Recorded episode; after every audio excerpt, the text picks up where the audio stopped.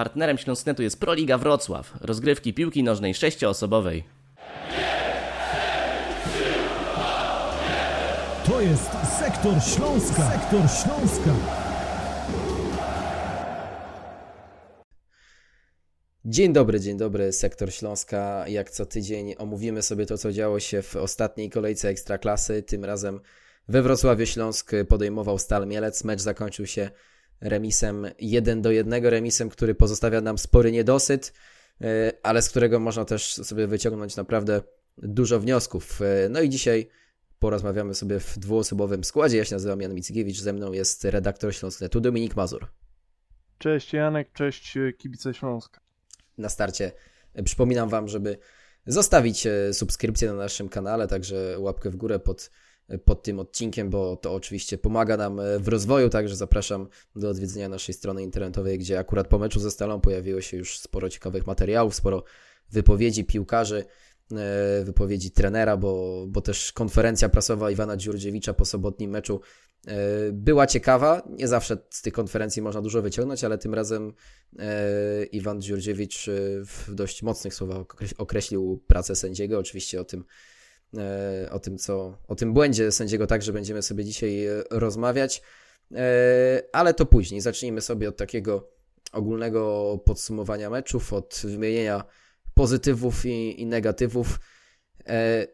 Mecz, który Śląsk powinien był wygrać, to chyba wszyscy się zgodzą, bo Stal Mielec przyjechała do Wrocławia bardzo słabo dysponowana. Tydzień wcześniej Stal mierzyła się na wyjeździe z Legią i tam można było naprawdę być pod wrażeniem gry drużynę Adama Majewskiego, jeszcze Adama Majewskiego, bo e, w poniedziałek e, Stal ogłosiła, że Adam Majewski nie jest już trenerem e, drużyny, zastępuje go Kamil Kiereś.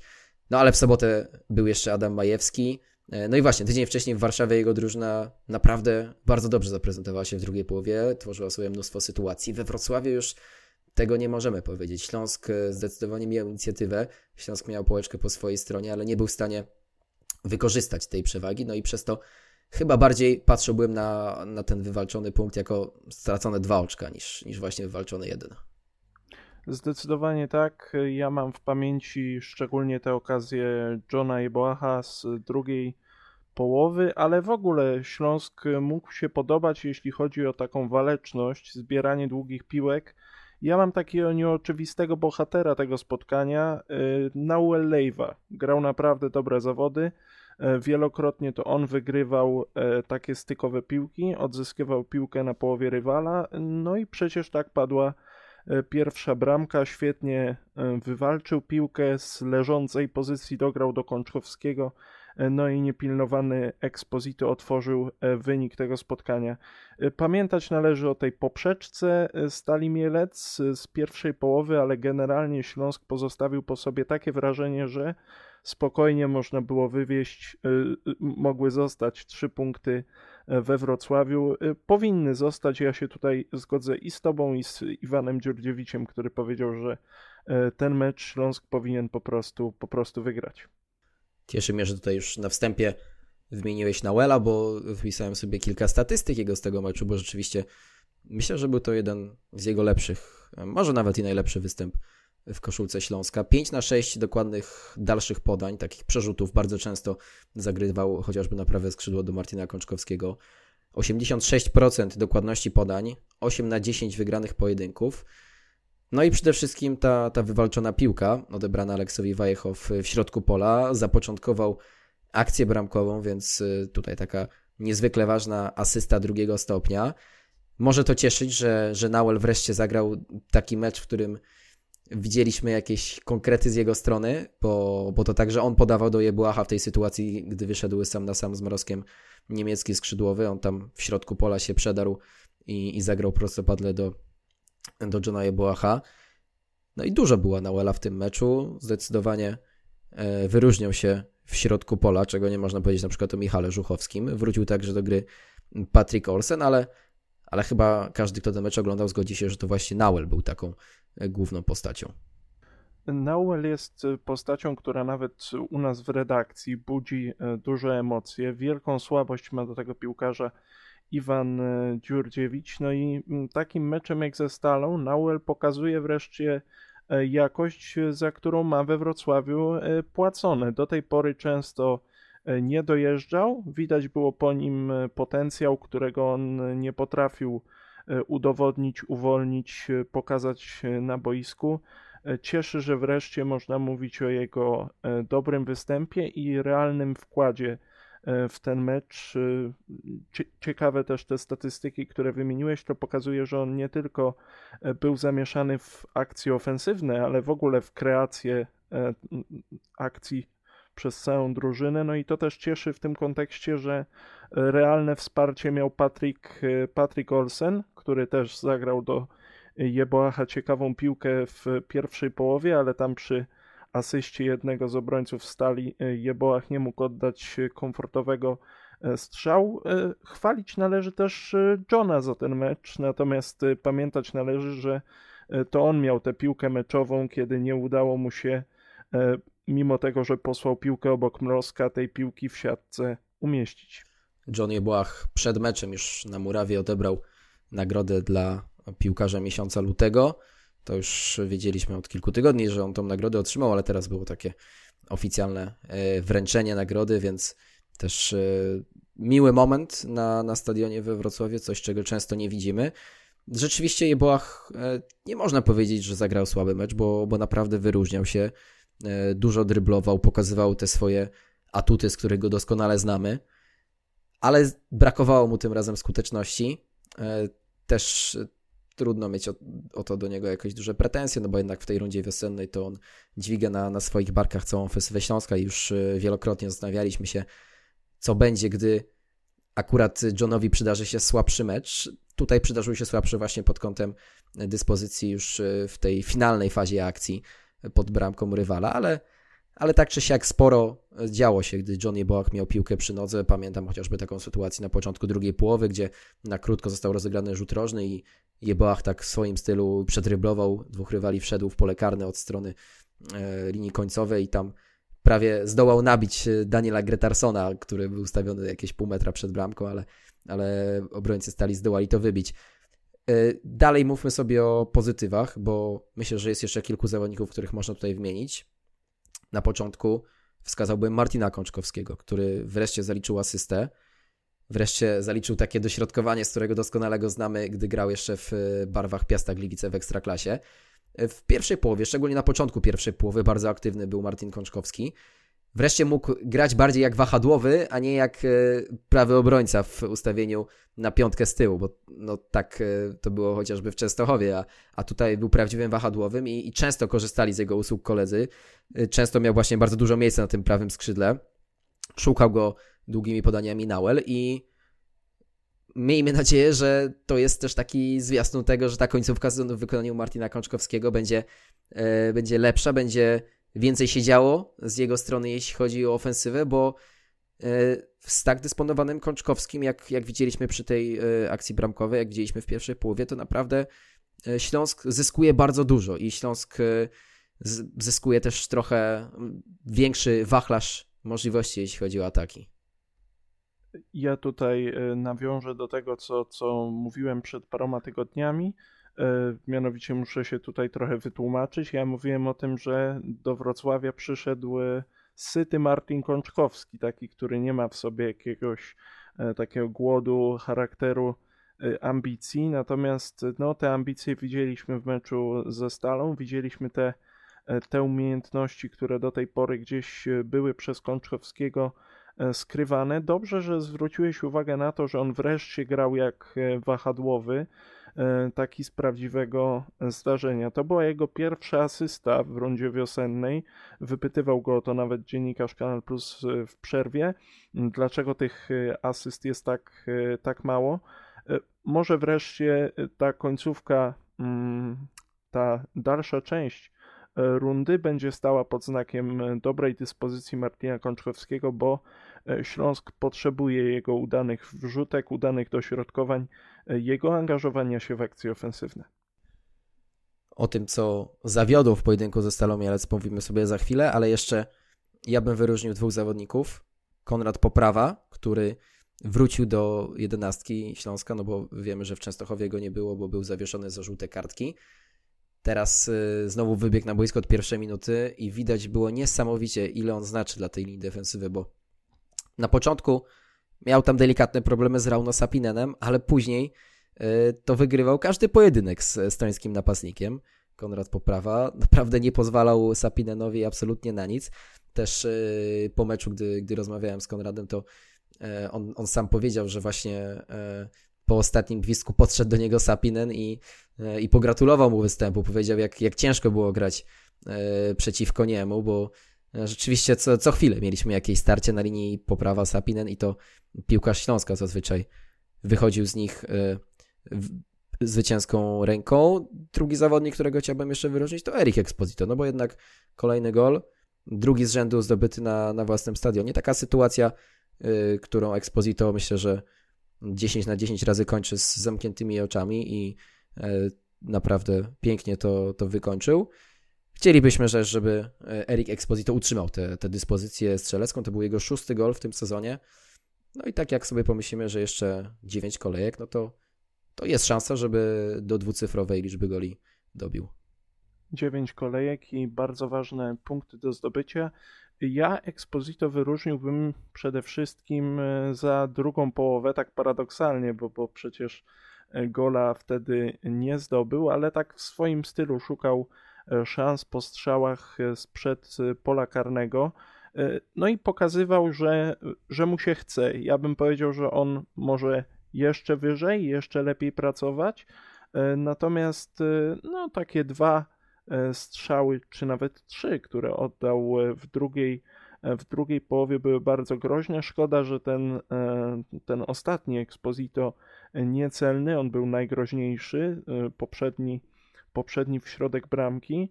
Wyróżniłeś też Konrada Poprawę, kiedy ostatni raz byłem w podcaście Sektor Śląska, mówiliśmy o tym, że to jest szef tej linii defensywnej i widzieliśmy, co się dzieje, kiedy szefa nie ma na pokładzie. E, Częstochowski walec oczywiście pewnie i tak przejechałby się po Śląsku, ale może w defensywie wyglądałoby to, e, wyglądałoby to co, mm, co, co nieco lepiej. Mm, też y, ciekawe w kontekście tego zestawienia linii defensywnej e, jest to, że mógł już grać Wiktor Garcia, natomiast jego notowania u Iwana Dziurdziewicza znacząco spadły, a Bejger występem na lewym wahadle z konieczności okazuje się wywalczył sobie e, miejsce w podstawowym składzie i spodobał się Iwanowi Dziurdziewiczowi na tyle, że ten e, wystawia go tak w kolejnych spotkaniach. Ale mam duże wątpliwości, czy Łukasz Bejger jeszcze raz wybiegnie na lewym wahadle od pierwszej minuty, bo tutaj opuścił boisko w przerwie. Wszedł za niego Patryk Janasi, który wrócił po kontuzji. Zresztą tak samo jak Petr Schwarz pod koniec meczu. No i mi się wydaje, że ta zmiana Bejgera była podyktowana tym, że jednak było widać dużą dysproporcję, jeśli chodzi o e, nacisk na ofensywę między Kączkowskim a Bejgerem, że jednak e, Łukasz Bejger bardzo dobrze zastąpił Wiktora Garcia, bo wiemy, że zagrał tam z konieczności, bo Garcia był zawieszony za kartki na mecz z Krakowią. No i zresztą Łukasz Bejger strzelił w tamtym meczu gola, ale jednak e, grając e, na tej lewej stronie, na lewym wahadle jako piłkarz prawonożny, e, no myślę, że, że to będzie widać, że Łukasz Bejger nie będzie miał takiej swobody gry w ofensywie i, i teraz, kiedy wrócił Patryk Janasik, to, to myślę, że Janasik na kolejny mecz znajdzie się już w pierwszej jednostce. Tak, całe szczęście, że e, wyzdrowiał. E, ja tutaj tak uzupełniając, po prostu chciałem zauważyć te e, niskie notowania Wiktora Garcia u Dziurdziewicza w, w ostatnim czasie.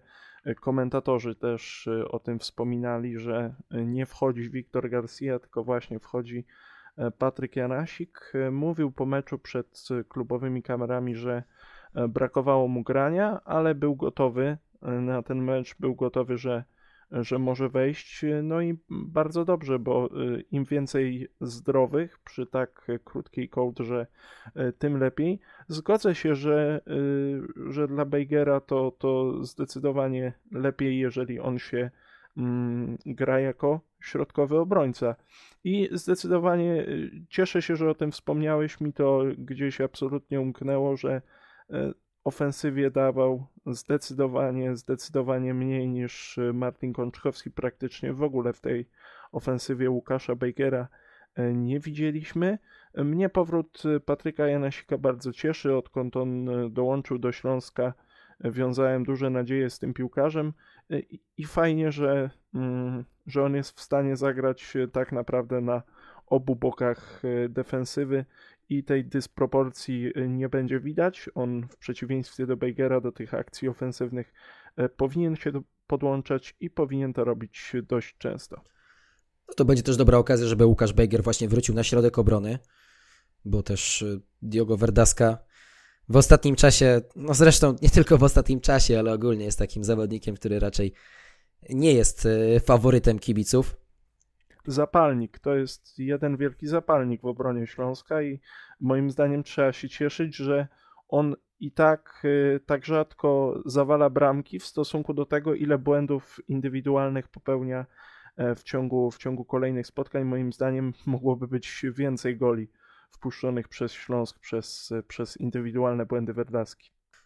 Więc być może już w kolejnym meczu Łukasz Bejger wróci na środek obrony, ale teraz tak sobie tutaj chwalimy e, jednego, drugiego, trzeciego zawodnika, to ktoś nie oglądając meczu i nie wiedząc jaki był wynik, mógłby pomyśleć, że to był fenomenalny mecz, fenomenalne zwycięstwo Śląska, no ale tak jednak się nie stało, bo, bo w drugiej połowie, mimo że Śląsk e, miał sytuację, mimo że Śląsk przeważał, to myślę, że każdy odnosił też wrażenie, że czegoś brakuje. Brakuje trochę kreatywności, brakuje jakiegoś takiego momentu przyspieszenia w wielu sytuacjach, że nie wiem, czy tutaj można mówić, że, e, że piłkarze Śląska e, nie byli na maksa zaangażowani. E, jednak takich słów bym nie używał, ale wydaje mi się, że, że jednak trochę było widać, że Śląsk nie potrafi przyspieszyć gry i że to, o czym też wiele razy mówiliśmy, nie czuje się tak komfortowo, będąc drużyną, która ma piłkę przy nodze przez większość czasu. I jakbyś tutaj e, ocenił, co jest, e, co jest winą tej sytuacji? Czy tutaj e, któregoś konkretnie zawodnika, czy którąś konkretnie formację byśmy wyróżnili, czy to jednak jest generalny obraz całej drużyny, obraz tego, jak ten zespół funkcjonuje? E, jak się czuje w danych momentach, z jakimi rywalami dobrze na boisku i że jednak to było widać, że właśnie Śląsk w ataku pozycyjnym ma problemy i, i mimo, że te sytuacje były, bo jednak 16 strzałów w całym meczu to jest wynik najlepszy w tej rundzie. E, co prawda tylko trzy strzały cele, więc ta, ta skuteczność e, strzałów bardzo słaba, ale no ale czegoś brakowało i chyba, chyba każdy, kto oglądał ten mecz miał takie wrażenie. Zdecydowanie Śląsk z piłką przy nodze e, zbyt wolno. E, nie chcę mówić zbyt e, przewidywalnie, po prostu tak jak wspomniałeś, brakowało tego takiego momentu przyspieszenia, przeczekania pewnych sytuacji i zagrania chociażby prostopadłej piłki. Ja już nie wspomnę o grze kombinacyjnej, bo to przyzwyczailiśmy się, że że tego w grze Śląska będzie, będzie bardzo mało. Y, ja tutaj obwiniłbym troszkę o to y, Michała Żuchowskiego, który w ogóle moim zdaniem przeszedł obok meczu. Zastanawiam mnie, czy on w ogóle jeszcze wyjdzie w podstawowym y, składzie na, na jakieś kolejne mecze, chyba że będą jakieś, jakieś absencje, bo, bo on swoimi występami w ogóle, w ogóle nie przekonuje. Mało było tych e, prostopadłych zagrań. E, Śląsk żył głównie z błędów e, Stali Mielec, a że ten zespół w tym sezonie tych błędów popełnia dużo, no to Śląsk i tych sytuacji jak na Śląsk Wrocław z obecnego sezonu stworzył sobie całkiem, całkiem sporo. Cieszy ta liczba oddawanych strzałów, ale właśnie szwankowała skuteczność i, i brakowało kogoś, kogoś trzeciego, w ofensywie, kto e, próbowałby te strzały oddawać oprócz Johna Jeboacha i, e, i Erika Exposito. To nie może być tak, że mm, gra śląska ciągle opiera się wyłącznie na staraniach i próbach tych dwóch zawodników. Mm, I na to mam wrażenie narzekamy od, od dłuższego, dłuższego czasu. E, więc tak, ja bym powiedział, że z jednej strony Kączkowski, z drugiej strony e, małe zaangażowanie Łukasza Bejgera w akcje ofensywne e, na boku i Śląsk z piłką przy nodze nie czuje się komfortowo, nie potrafi kreować gry. i żył głównie z błędów rywala w tym spotkaniu.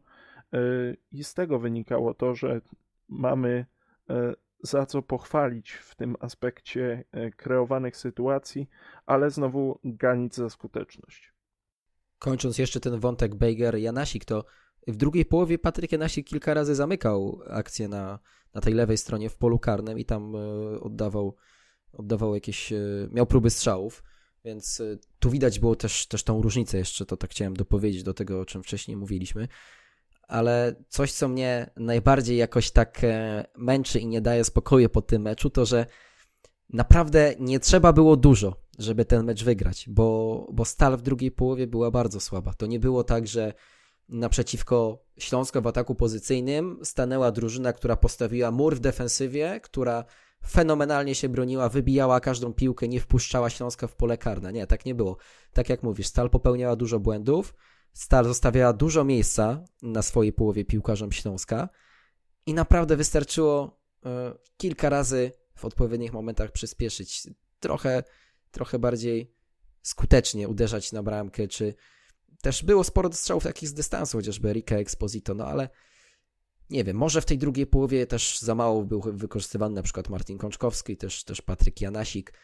Yy, mam po prostu wrażenie, że mogą być na siebie źli piłkarze Śląska. I też to dało się odczuć z ich wypowiedzi pomeczowych, że oni powinni ten, ten mecz wygrać, bo mierząc się z rywalem, który ma tyle samo punktów, który jest sąsiadem w tabeli, ale który jest ewidentnie słabszy, yy, mówię tutaj też o dyspozycji dnia, nie, nie absolutnie nic nie odejmuje drużynie Stali Mielec tak, tak całościowo, no ale wiemy też jak wyglądał ich bilans w rundzie wiosennej, że to było 7 meczów, 2 remisy, 5 porażek i tylko jeden strzelony gol.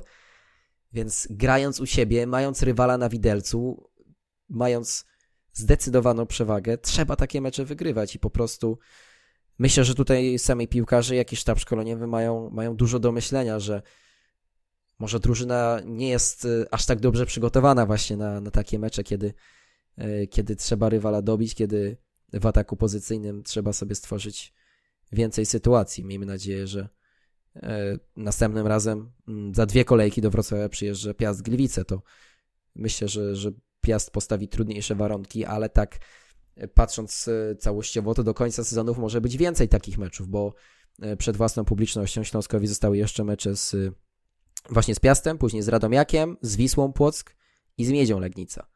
Więc na przykład jestem sobie w stanie wyobrazić, że takie scenariusze się będą powtarzać w meczach, czy z Radomiakiem, czy w meczach z Miedzią, czy także z Piastem.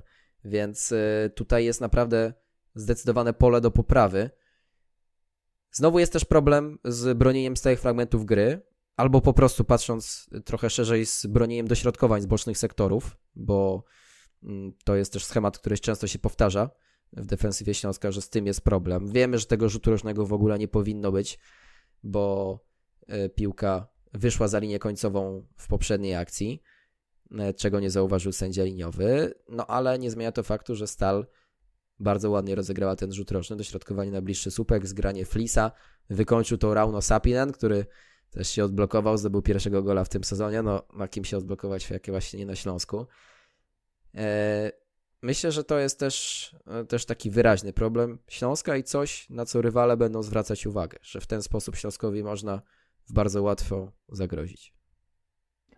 Mówił Iwan Dziurdziewicz o tym, że e, jest 27 punktów do zdobycia. Jeżeli Śląsk ma ugrać jak najwięcej, ma spokojnie zapewnić sobie utrzymanie, to zdecydowanie w takich spotkaniach trzeba, mając, tak jak powiedziałeś, rywala na widelcu, wszystko na tacy, mecz pod kontrolą, bo rywal po prostu e, jest e, słaby, jest w słabszej dyspozycji, trzeba takie mecze przepchnąć choćby kolanem. Naprawdę, e, tym bardziej, że były ku temu szanse. To nie było tak, że w drugiej połowie mm, nikt nie przeważał, że obie drużyny prezentowały równie, równie mierny poziom.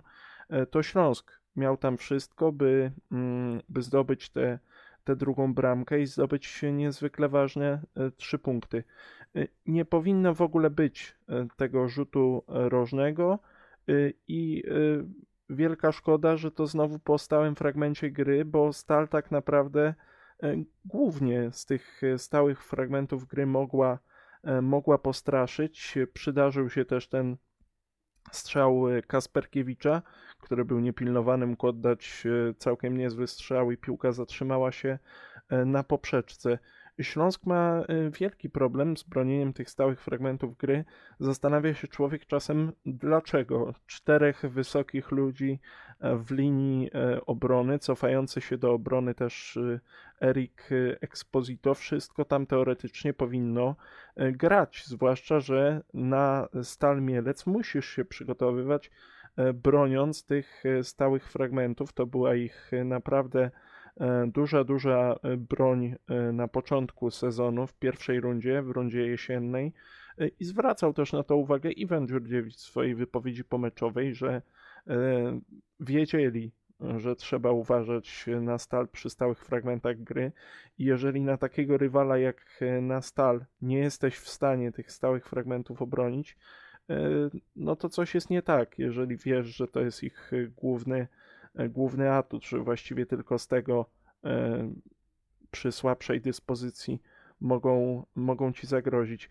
Wielka szkoda, bo to, są, e, to nie są błędy, które przytrafiają się w ostatnich tygodniach, w ostatnich kolejkach. To są błędy, które Śląsk ma już od dłuższego czasu. Powinien pokazywać, że stopniowo je eliminuje. Nie można tego zrzucić na zaskoczenie piłkarzy tym, E, tym rzutem, rzutem rożnym. Trzeba było po prostu zacisnąć zęby i, i wybronić te, te sytuacje, a Stal ewidentnie zagrała coś e, przygotowanego i rozpykała tam defensywę e, Śląska. Sapinen w ogóle niepilnowany. Wielka szkoda, bo to jest coś też na pewno związanego z dekoncentracją.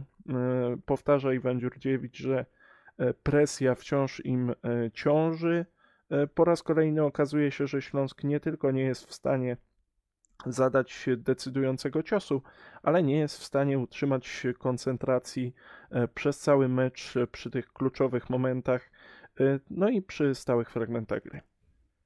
W tej sytuacji z rzutem rożnym VAR oczywiście nie mógł interweniować, bo protokół VAR nie przewiduje sprawdzania takich sytuacji, jak czy, czy powinien być rzut rożny, czy go nie powinno być. Rafał Leszczyński od razu sygnalizował sędziemu, że piłka wyszła za linię końcową. Później jeszcze e, bodajże Diego Verdaska miał piłkę przy nodze, wybił ją nieudanie, strzał sprzed pola karnego, rykoszet, no i jest rzut rożny. Teraz y, przeczytam może wypowiedź Iwana Dziurdziewicza z konferencji prasowej, bo, bo nie każdy zapewne miał y, okazję to zrobić, zapoznać się z, z treścią tej konferencji. Tak mówił trener Śląska. Asystent był spóźniony. Powiedziałem mu, że to się zdarza, ale sędziowie muszą zrozumieć, że takie błędy zmieniają trenerów i zmieniają ludziom życie. Sędziowie na konferencjach online proszą, żeby zrozumieć ich pracę, ale oni muszą też zrozumieć naszą rolę. To błąd ludzki, ale takie błędy wypaczają wynik. Skoro jest VAR, to może trzeba zmienić zasady korzystania z niego. Przy takich sytuacjach VAR nie interweniuje, ale to chwilę później zmienia się na okazję bramkową. Może warto zmienić protokół VAR i takie sytuacje analizować. Rozumiemy wszyscy zdecydowanie e, złość e, szkoleniowca Śląska, bo, bo tego gola po prostu być nie powinno. Też e, ja bym tutaj raczej nie mówił tak patrząc w perspektywie całego meczu, że ten błąd wypaczył wynik, bo to jednak była dziesiąta minuta i Śląsk tak czy siak powinien ten mecz wygrać, ale no ale chyba tutaj przyznamy rację Tererowi Dziurdziewiczowi, że, że to, co powiedział na konferencji prasowej, to jest myślę to też, co, co czują kibice Śląska. Zdecydowanie trafił e, w sedno Iwan e, Dziurdziewicz. Oczywiście takie mm, sugestie, że, że protokół VAR powinien zostać zmieniony, nie jest pierwszym trenerem Dziurdziewicz, który mm, nie jest pierwszym trenerem, który, który mówi takie rzeczy w tym sezonie. Można się zastanawiać, dlatego że to była sytuacja y, kluczowa dla przebiegu y, początku tego, y, tego spotkania. Jak widać, nawet takie błędy mm, zmieniają trenerów, bo ostatecznie mimo tego, że Stal zdobyła gola, no to Adam Majewski tym meczem zakończył swoją przygodę jako pierwszy trener pierwszy trener Stali Mielec, mm, więc nawet to go nie uratowało. E, to też jest y, znamienne, że, że sędzia liniowy nie zmienił swojej decyzji, jakby w ogóle nie, nie wziął pod uwagę tych, tych y, protestów zawodników. Może gdzieś tam miał z tyłu głowy, że, że coś mu się mogło, czegoś mógł nie zauważyć, mm, ale często w takich sytuacjach ma się nadzieję, że nic się nie wydarzy, że, że ten rzut rożny zostanie, zostanie obroniony i zapomnimy o, o całej sytuacji. I z tego też wzięła się, mm, wzięły się te słowa Iwana Dziurdziewicza, że, że wypaczyło to wynik, bo, bo tak naprawdę no, była to bezpośrednia sytuacja, która potem doprowadziła do stałego fragmentu gry, z którego z którego Śląsk stracił gola. O Diogo Verdasce powiedziałeś, że on miał szansę wybić tę piłkę. Warto sobie to odwinąć, bo w bardzo prostej sytuacji e, wybił piłkę pod nogi rywala, gdzie można to było po prostu wykopać w trybuny. Myślę, że e, nikt nie miałby do Verdaski większych, większych pretensji. Zdecydowanie większe pretensje są, są teraz. Ja też następnym razem ugryzę się w język, bo mówiłem, że no, że wcale y, nie było tak wielu straconych goli e, po tych błędach indywidualnych Werdaski, ile mogłoby być, że, że trzeba się z tego cieszyć. Tutaj się okazuje, że Diogo Werdaska wiecznie żywy i jego duch e, unosi się nad straconymi przez e, Śląsk bramkami i niewiele wskazuje na to, by miało się to skończyć. No nawet nie musiał wybijać w trybuny, wystarczyło po prostu kopnąć trochę mocniej w kierunku Exposito czy Jeboaha, to, to nie było absolutnie nic trudnego w takiej sytuacji. Najbardziej żal tych dwóch straconych z punktów y, patrząc na tabelę, bo można sobie łatwo uświadomić, że tutaj zwycięstwo dałoby względny spokój y, Iwanowi Dziurdziewiczowi i całej jego drużynie podczas tej przerwy na reprezentację. Śląsk wtedy miałby na koncie 32 punkty i zrównałby się punktowo z ósmą Wisłą Płock i dziewiątym Radomiakiem, a tak y, no jest niesamowicie gęsto w tej dolnej strefie. Walka o utrzymanie jest zdecydowanie bardziej zaciekła niż walka o Mistrzostwo Polski w tym roku, bo wiemy, że tam patrząc na górę tabeli Raków ma 9 punktów przewagi nad drugą Legią, a Legia 9 punktów przewagi nad y, trzecim Lechem, a na dole tak. 16 y, Korona Kielce, która jest ostatnią drużyną w strefie spadkowej, y, na skraju strefy spadkowej ma 27 punktów. Y, oczko więcej ma Górnik Zabrze, 28, 29 Jagiellonia Białystok na 14 miejscu i później cztery drużyny, które mają 30 punktów. To jest patrząc od dołu Zagłębie Lubin, Śląsk Wrocław, Stal Mielec i Piast Gliwice.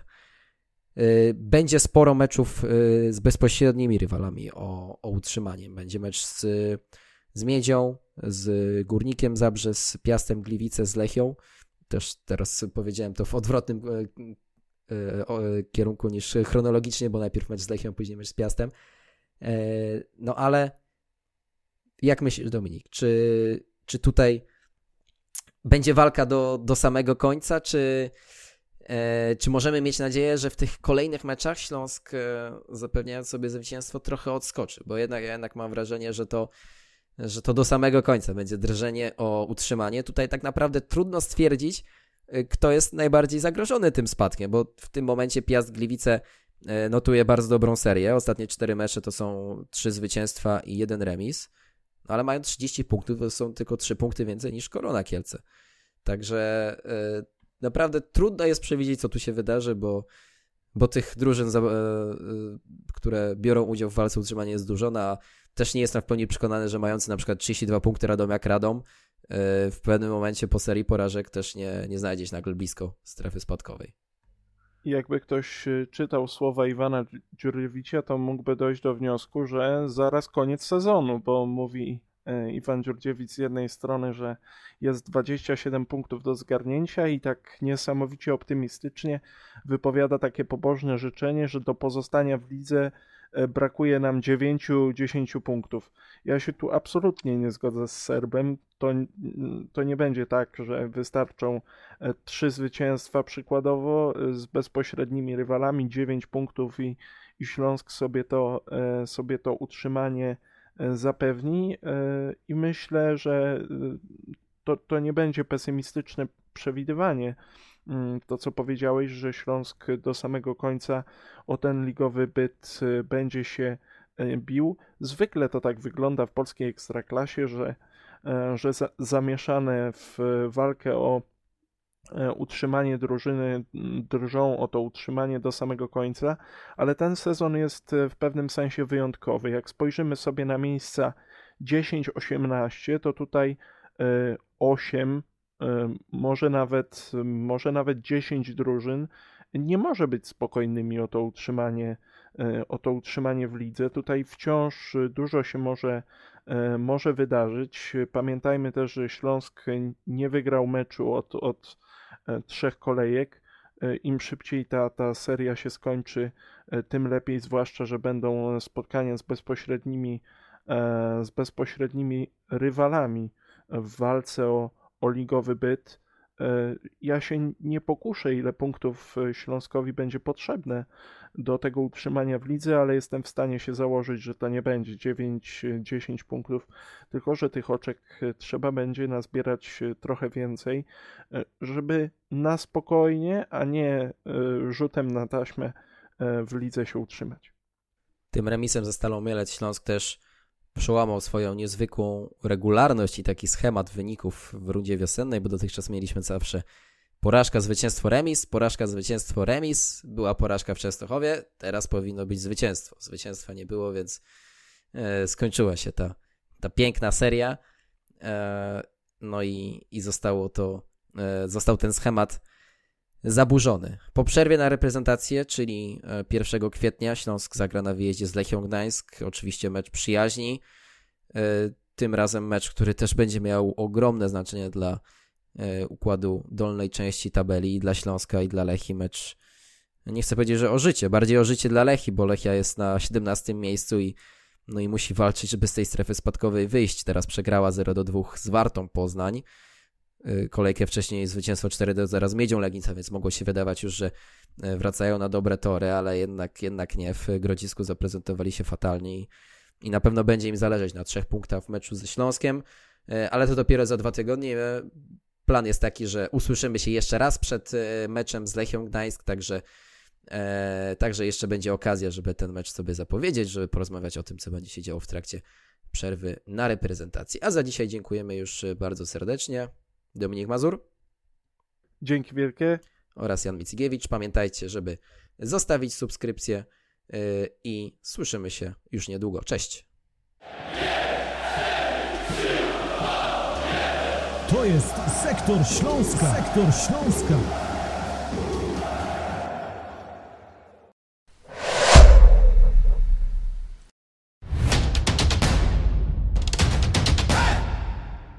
Partnerem Śląsknetu jest Proliga Wrocław, rozgrywki piłki nożnej sześcioosobowej.